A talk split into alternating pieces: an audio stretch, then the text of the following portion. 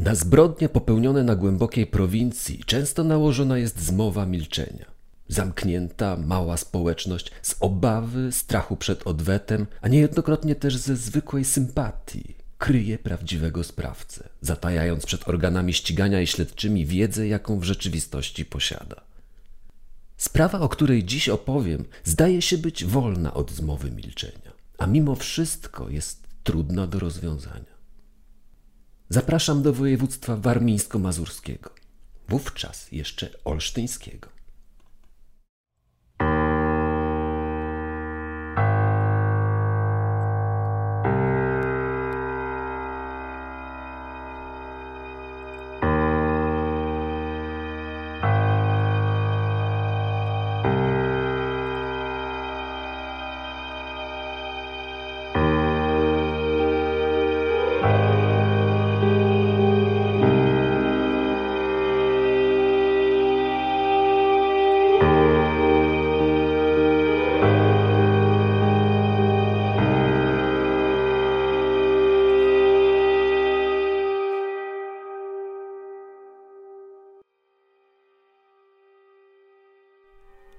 Jest rok 1997. Jesień. Telewizja polska raptem dwa tygodnie temu rozpoczęła emisję telenoweli Klan. Do kin wchodzi komedia Janusza Zaorskiego Szczęśliwego Nowego Jorku. Telewizja TVN dopiero inauguruje nadawanie. Fabryka samochodów osobowych na warszawskim Żeraniu rozpoczyna produkcję Deula Nosa. Przedsiębiorstwo handlowe Amazon składa wniosek o przełomowy patent płatności One Click, a Google.com rejestruje właśnie swoją internetową domenę. Tymczasem my jesteśmy w Kiełkutach, niewielkiej wsi w gminie Małdyty w województwie olsztyńskim. Stąd do Olsztyna aż 60 kilometrów. Nieco tylko bliżej, 50 kilometrów, do stolicy sąsiedniego województwa, Elbląga. Kiełkuty to mała, spokojna wioska położona wśród lasów. Kilkanaście domów, zakład przetwórstwa drzewnego i niewiele poza tym. Chcąc coś kupić, choćby drobne spożywcze produkty, nie mówiąc już o pobieraniu nauk na choćby podstawowym poziomie, trzeba już się udać do sąsiedniej miejscowości. Tu, w Kiełkutach, w skromnym parterowym domu numer 13, mieszka 34-letnia Urszula Smolińska z partnerem i 11-letnią córką Judytą. Urszula pochodzi z małej osady Zalesie, znajdującej się mniej więcej w połowie drogi z Elbląga do Ostrudy i zaledwie 4 km w linii prostej od Kiełkut. W wieku 23 lat urodziła córkę. Nie ułożyło jej się z ojcem dziecka, ale kiedy córka skończyła trzy lata, Urszula poznała nowego partnera, mieszkańca pobliskich Kiełkut właśnie. I tu, do niego, z Zalesia nomen omen za las, wkrótce się przeprowadziła. Od tego momentu minęło już siedem lat. Stanisław Karecki, partner 34-latki, w przeszłości był drwalem – Pracował w okolicznych lasach, które to, nawiasem mówiąc, okalają Kiełkuty niemal z każdej strony. Ale kiedy 10 lat temu, praktycznie naprzeciwko jego domu, na krańcu Kiełkut, sąsiad Henryk Kaczkan z synem Józefem otworzyli mały tartak, Stanisław został jednym z pierwszych zatrudnionych w nim pracowników. Od tej pory pracuje jako operator traka taśmowego w systemie dwuzmianowym. Z biegiem lat ta mała rodzinna na początku firemka kaczkanów stopniowo zwiększała produkcję. Rozrastał się park maszynowy. A dosłownie w tym roku, 1997, parę miesięcy temu, firma podjęła się produkcji parkietu litego i deski podłogowej, który to towar zaczęto eksportować również za granicę, głównie do Niemiec. Choć czasy są trudne, Stanisławowi wiedzie się całkiem dobrze przynajmniej na tyle, by swobodnie utrzymać rodzinę. Bo właśnie tak, jak rodzina, ta trójka, Stanisław, Urszula i Judyta, żyją, uważają się, ale i tak właśnie przez wszystkich są uważani i traktowani.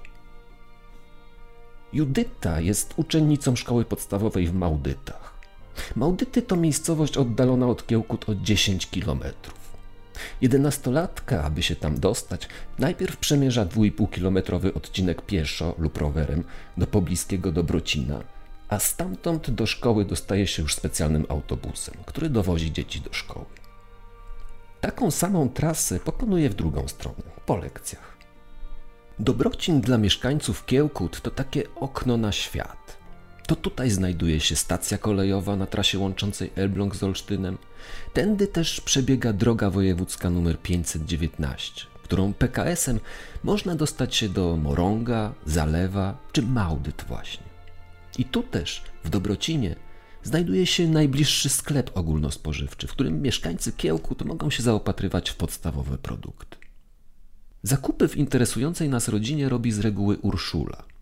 Pod domem, poza ulubioną przez Stanisława MZ, stoi też mały Fiat, popularny maluch, który to samochód niejednokrotnie służył nawet Uli do nauki jazdy. Ściślej mówiąc, Stanisław próbował nauczyć partnerkę jeździć. Niestety nauka szła oględnie mówiąc tak sobie, w efekcie czego Urszula wobec braku prawa jazdy, a nawet niezbędnych umiejętności, zmuszona jest chodzić na zakupy pieszo. Życie na wsi płynie spokojnie, żeby nie powiedzieć monotonnie. Urszula zajmuje się domem, dba o porządek, posiłki, należycie i troskliwie sprawuje opiekę nad córką. Nie ma wielu koleżanek, przynajmniej takich w swoim wieku, co najwyżej kilka starszych sąsiadek. Zresztą skrytej z natury i oszczędnej w słowach Urszuli nieszczególnie zdaje się to przeszkadzać. Jest miła i uprzejma, ale jak na osobę introwertyczną przystało, raczej niechętnie udziela się towarzysko. Ze swoich problemów, osiągnięć czy przeżyć nie zwierza się nawet siostrze, czy tym bardziej bratu, które to rodzeństwo wciąż mieszka w rodzinnej miejscowości. Najczęstszym bywalcem domu Smolińskiej i Kareckiego jest z kolei sąsiad Jan, najbliższy kolega Stanisława za którym 34-latka akurat niespecjalnie przepada. Jest to bowiem taki kolega hmm, do butelki. Stanisław owszem lubi sobie wypić z kolegą, ale to spokojny mężczyzna, który nawet będąc pod wpływem nie jest bynajmniej typem awanturnika. Jest siódmy dzień października 1997 roku. Wtorek. Wczesny ranek, godzina 5.50, jeszcze przed świtem. Stanisław opuszcza dom i udaje się do tartaku. Urszula i Judyta śpią jeszcze w swoich łóżkach. Mija 8 godzin. Pierwsza zmiana w tartaku kończy swoją pracę. Stanisław wraca do domu. Ku swojemu zdziwieniu w domu nikogo nie zastaje pusto. W powietrzu nie unosi się też żaden zapach obiadu, który to zawsze o tej porze już na niego czekał i na który tak bardzo ma ochotę. Krząta się chwilę po domu. Stwierdza brak kurtki i butów partnerki, a także 60 zł we wspólnej kasie. Jest więc przekonany, że musiała wyjść na zakupy. W tym fakcie nie ma niczego dziwnego. Dziwne jest jednak to, że pomimo iż jest już pora obiadowa, wciąż nie wróciła. Nie zostawiła też żadnej informacji, że wróci później. Wsiada więc do samochodu i rusza do Dobrocina. Odwiedza oba znajdujące się tam sklepy, ale właściciele nie przypominają sobie, aby Urszula dziś u nich była. W tej nie do końca zrozumiałej sytuacji tłumaczy sobie, że Urszula musiała zapewne udać się do matki i niebawem wróci. Sam spotyka sąsiada Jana i z nim spędza kolejne dwie godziny. Sytuacja staje się jeszcze dziwniejsza i zmusza do uruchomienia kolejnych pokładów wyobraźni już po tych dwóch godzinach, kiedy wraca do domu. Okazuje się, że Urszuli w dalszym ciągu nie ma. Jest za to jej matka i brat, zaalarmowani przez Judytę, która to wróciwszy ze szkoły nie zastała w domu nikogo. Teraz Stanisław ma już jasność, że i w Zalesiu jego partnerki dziś nie było. Ani u matki, ani u siostry Anety, ani u brata. Więc gdzie jest? Jako, że zaniepokojenie jest już znaczne, Stanisław i brat Urszuli postanawiają przejść się po kiełkutach, popytać, czy ktoś coś wie, widział lub słyszał. Pytają napotkanych, chodzą po gospodarstwach i domach. Nic to jednak nie daje. Nazajutrz Stanisław powiadamia policję. Ta, pomimo zapewnień i tłumaczeń rodziny, że Urszula nigdy z własnej woli nie zostawiłaby córki, podejmuje działania poszukiwawcze w terenie dopiero kolejnego dnia, we czwartek. Wraz z rodziną, mieszkańcami wsi i pracownikami tutejszego tartaku, firmy Kaczka, którzy ochoczo ruszyli do pomocy. Tego dnia, 9 października 1997 roku, około godziny 11.45, brat zaginionej, w połowie drogi między Kiełkutami a Dobrocinem, wśród wysokich traw 150 metrów od biegnącej tamtędy szosy, znajduje pokaleczone ciało siostry. O znalezisku powiadamia penetrujących okolice funkcjonariuszy. Śledczy przystępują do oględzin ciała i miejsca zbrodni. Nagie od pasa w dół ciało, w rozpiętej kurtce i z przeciętymi elementami górnej garderoby, leży na prawym boku, na spodniach. Obok bielizna, niespełna dwa metry dalej buty ofiary i żółta torba foliowa, reklamówka z nadrukiem cash. W niej ujawniono część rozerwanego opakowania po prezerwatywie Unimil. Czynności na miejscu skutkują zabezpieczeniem śladów butów, prawdopodobnie sprawcy, i kilku włosów do badań porównawczych. Późniejsza sekcja zwłok przeprowadzona w Zakładzie Medycyny Sądowej Szpitala przy ulicy Żołnierskiej w Olsztynie wykaże, jak brutalny był sprawca. Rany tłuczone twarzy i około 20 ran kłutych na całym ciele, zadanych długim nożem typu bagnet. Na plecach, nogach, brzuchu, klatce piersiowej, szyi, a nawet na skroni. Nie ma wątpliwości, że 34-latka broniła się przed napastnikiem. Świadczą o tym fragmenty naskórka znalezione za paznokciami. Za bezpośrednią przyczynę zgonu uznano uszkodzenie serca i płuc w następstwie zadanych ran kłutych oraz krwotok wewnętrzny i zewnętrzny. Śledczy przyjęli, że motywem zbrodni jednoznacznie był motyw seksualny. W toku śledztwa ustalono, że feralnego dnia 7 października 1997 roku Urszula rozpoczęła swój dzień po godzinie 6.30. Świtało. Kilka minut później obudziła córkę i stałym zwyczajem wyprawiła ją do szkoły.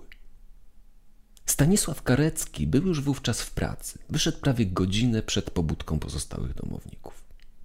Około 7.30 Judyta wsiadła na rower i pojechała do Dobrocina, skąd następnie autobusem dotarła do Maudyt, do szkoły. O 8.30 samą już w domu Urszulę odwiedził sąsiad, częsty bywalec, Jan. Przyszedł tak naprawdę do Stanisława. Chciał poprosić go o pomoc przy zwiezieniu z lasu drzewa na opał. Myślał, że ten ma dziś drugą zmianę. Kiedy dowiedział się, jak jest naprawdę i że Stanisław skończy pracę o 14, wrócił do swoich obowiązków, uprzednio częstując Urszulę kilkoma papierosami. 34-latka rzuciła mu wtedy, że właśnie jej się skończyły, ale niebawem będzie szła do sklepu do Dobrocina, to sobie kupi. Jan po wyjściu od sąsiadki udał się do tartaku, umówić się ze Stanisławem na popołudnie. Następnie poszedł do domu po pieniądze, a już z nimi w kieszeni udał się do Dobrocina. Po drodze, jak sam twierdzi, zatrzymał na stopa jakiś czerwony samochód, którym dotarł na miejsce. W tym czasie Urszula była jeszcze w domu. Na zakupy ruszyła między 10.30 a 11.30. Widział ją w tym czasie jeden z pracowników tartaku. Szła sama, bardzo powoli, jakby zamyślona, ze spuszczoną głową ostatni moment, w którym ktoś, poza mordercą, widział Urszulę Smolińską żywą. Kilka minut po czternastej Stanisław wrócił z pracy do pustego domu.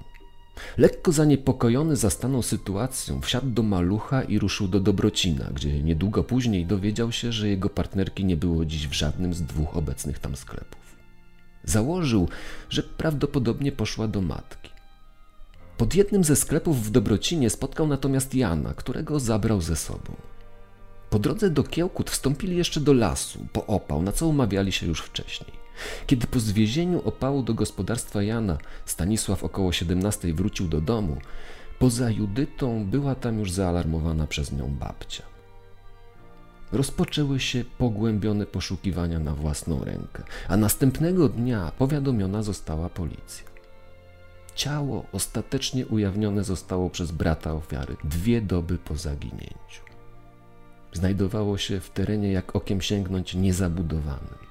15 metrów od rowu melioracyjnego, 150 metrów od drogi, w zaroślach, za balotami starej słomy osłaniającymi widok od strony szosy. Ustalono, że sprawca musiał zaatakować idącą na zakupy do Dobrocina Urszulę na drodze i przystawiając nóż do szyi, zaciągnął zarośla, za belę słomy. Śledczy ustalili, że ofiara miała przy sobie brązowy portfel z imitacji skóry i 60 zł w nominałach 50 i 10 zł. Ani portfela, ani pieniędzy nie znaleziono na miejscu zbrodni. Sprawca musiał je zabrać, co nie zmienia faktu, że motyw napaści był wyłącznie seksualny. Śledczy w pierwszej kolejności, zgodnie z przyjętymi zasadami, wzięli pod lupę partnera ofiary, Stanisława Kareckiego, i przesłuchali mieszkańców wioski. Stanisław dość szybko został wykluczony z kręgu podejrzanych, głównie za sprawą mocnego alibi. W czasie zbrodni był w pracy i nie opuszczał swojego stanowiska. Przesłuchania z kolei rzuciły cień na sąsiada i najbliższego kolegę Stanisława, Jana Gila. Jan jest lokalnym pijaczkiem i nie cieszy się dobrą opinią wśród mieszkańców Kiełkut. Bywa agresywny wobec swojej rodziny, a co więcej, zdarza mu się zaczepiać napotykane kobiety. Niestosowne zachowania tego wielbiciela płci pięknej budziły w Urszuli odrazę. Tym bardziej, że i ona bywała obiektem jego nieprzyzwoitych zachowań, podszczypywań podczas swoich odwiedzin. Wywiad z mieszkańcami przyniósł też informację o pewnym ekshibicjoniście, który od jakiegoś czasu sporadycznie pojawiał się we wsi. Jego spotkanie w drodze do szkoły kilka miesięcy temu i obawa matki o córkę stała się początkiem zmiany w przemieszczaniu się Judyty z Kiełkut do Dobrocina. Od tej pory, decyzją Urszuli, Judyta zaczęła jeździć rowerem. Śledczym udało się dotrzeć do tej osoby. Okazał się nim być niejaki Jan K., mieszkaniec pobliskiej miejscowości. Łącznie w przebiegu śledztwa wytypowano dziewięciu podejrzanych mężczyzn. Były to dwie osoby z Kiełkut, dwie z Dobrocina, dwie z Morąga i po jednej z Olsztyna, Bagnit i Gulbit. Od podejrzanych pobrano szereg materiałów i próbek do badań traseologicznych, mechanoskopijnych i biologicznych. Na odzieży jednego z podejrzanych ujawniono ślady krwi. Powołano biegłych z Zakładu Medycyny Sądowej w Białymstoku do przeprowadzenia pogłębionych badań. Przebadano i przeanalizowano również szereg mikrośladów, jak włókna, włosy, linie papilarne, z zabezpieczonych od podejrzewanych materiałów, butów, odzieży, noży i porównano je ze śladami zabezpieczonymi na miejscu zbrodni. Niestety, Żadne z badań nie przyczyniły się do ujawnienia sprawcy zabójstwa. Oczywiście wśród podejrzewanych i prześwietlanych, poza Stanisławem i Janem Gilem, był też m.in. wspomniany ekshibicjonista Jan K. Ten poza wszystkim miał też alibi na czas morderstwa, dane mu przez pracodawcę. Wielu jest przekonanych, że sprawcą musiał być ktoś miejscowy, dobrze znający teren i zwyczaje mieszkańców, a przynajmniej zwyczaje tej konkretnej mieszkanki. Że ofiara nie była przypadkowa. Ale są też tacy, którzy wskazują jeszcze inny trop. Znaleźli się świadkowie, którzy feralnego 7 października pomiędzy godziną 8 a 11 w różnych, acz nieodległych od siebie miejscach Dobrocina widzieli obcego, dość dziwnie zachowującego się mężczyznę. Widziany był pod sklepem Łasuch, koło przystanku autobusowego w ciągu głównej drogi, a także w rejonie stawów i przejazdu kolejowego. Co nie bez znaczenia, około godziny jedenastej mężczyzna ten kierował swoje kroki w kierunku Kiełkut. Charakterystyczność jego zachowania, po czym też został zapamiętany, polegała na specyficznym schemacie ruchów, poprawianiu kurtki poprzez potrząsanie do przodu ramionami i następującym po nim przeczesaniu obiema dłońmi włosów od czoła do tyłu głowy. Na podstawie zeznań udało się stworzyć portret pamięciowy mężczyzny, który następnie opublikowano w lokalnej prasie, a później także w telewizyjnym biurze śledczym. Mężczyzna z portretu pamięciowego miał około 50 lat, 170-180 cm wzrostu, średnią budowę ciała, włosy blond, szpakowate, przerzedzone z przodu. Pojawiła się też osoba, która wskazuje na jeszcze innego, jej zdaniem podejrzanego który w tym mniej więcej czasie przechadzał się w kierunku Kiełkut od strony Dobrocina i nie był stąd. Ten ubrany był w długi, jasnobeżowy płaszcz, a w ręku miał reklamówkę. Miał ciemną oprawę oczu, wręcz jakby pomalowane były czarną kredką, zaczesane do góry włosy i wąsy. Miejscowi, starając się pomóc w ujęciu sprawcy, wskazywali też na zaburzonego psychicznie mężczyznę, który ponoć tego dnia siedział na przystanku w Dobrocinie i bawił się nożem. A nawet sugerowali możliwość udziału w zbrodni jakiegoś kierowcy transportującego tą drogą wyroby drzewne firmy Kaczkan. Śledczy poszli za jednym z tych tropów i sprawdzili osoby z okolicy z potwierdzonymi problemami psychicznymi, mającymi już na koncie jakieś przestępstwa na tle seksualnym. Niestety nigdy nie udało się ustalić ani osoby z portretu pamięciowego, ani osoby w jasnym, długim płaszczu, a jej prześwietlenie osób z zaburzeniami nie przyczyniło się do rozwiązania zagadki morderstw. Ostatniego dnia sierpnia 1998 roku, niespełna rok po zbrodni, śledztwo w sprawie zabójstwa 34-letniej Urszuli Smolińskiej z Kiełkut zostaje umorzone. Rodzina ma żal, że umorzenie nastąpiło tak szybko, ale też o to, że nigdy na żadnym etapie śledztwa nie była informowana o postępach i o tym, co udało się ustalić. Żal mają też inni mieszkańcy Kiełkut i Dobrocina, którzy zwyczajnie chcieliby doczekać rozwiązania sprawy, choćby po to, by samemu poczuć się bezpieczniej. Wciąż czynią domysły, typują i aranżują swoje prywatne przekonania. Co bardzo znaczące, wśród lokalnej społeczności nie ma spójnej, jednolitej wersji na to, co wydarzyło się feralnego dnia i kto jest odpowiedzialny za śmierć Urszuli Smolińskiej. Można z oczywistą przesadą przyjąć, że ile osób, tyle wersji. Legendą obrosła już historia, że jeden z głównych podejrzanych w sprawie, który dostał mocne alibi od pracodawcy, w rzeczywistości tego dnia widziany był przez kogoś w lesie. Jechał rowerem z przyczepionym z tyłu białym wiaderkiem.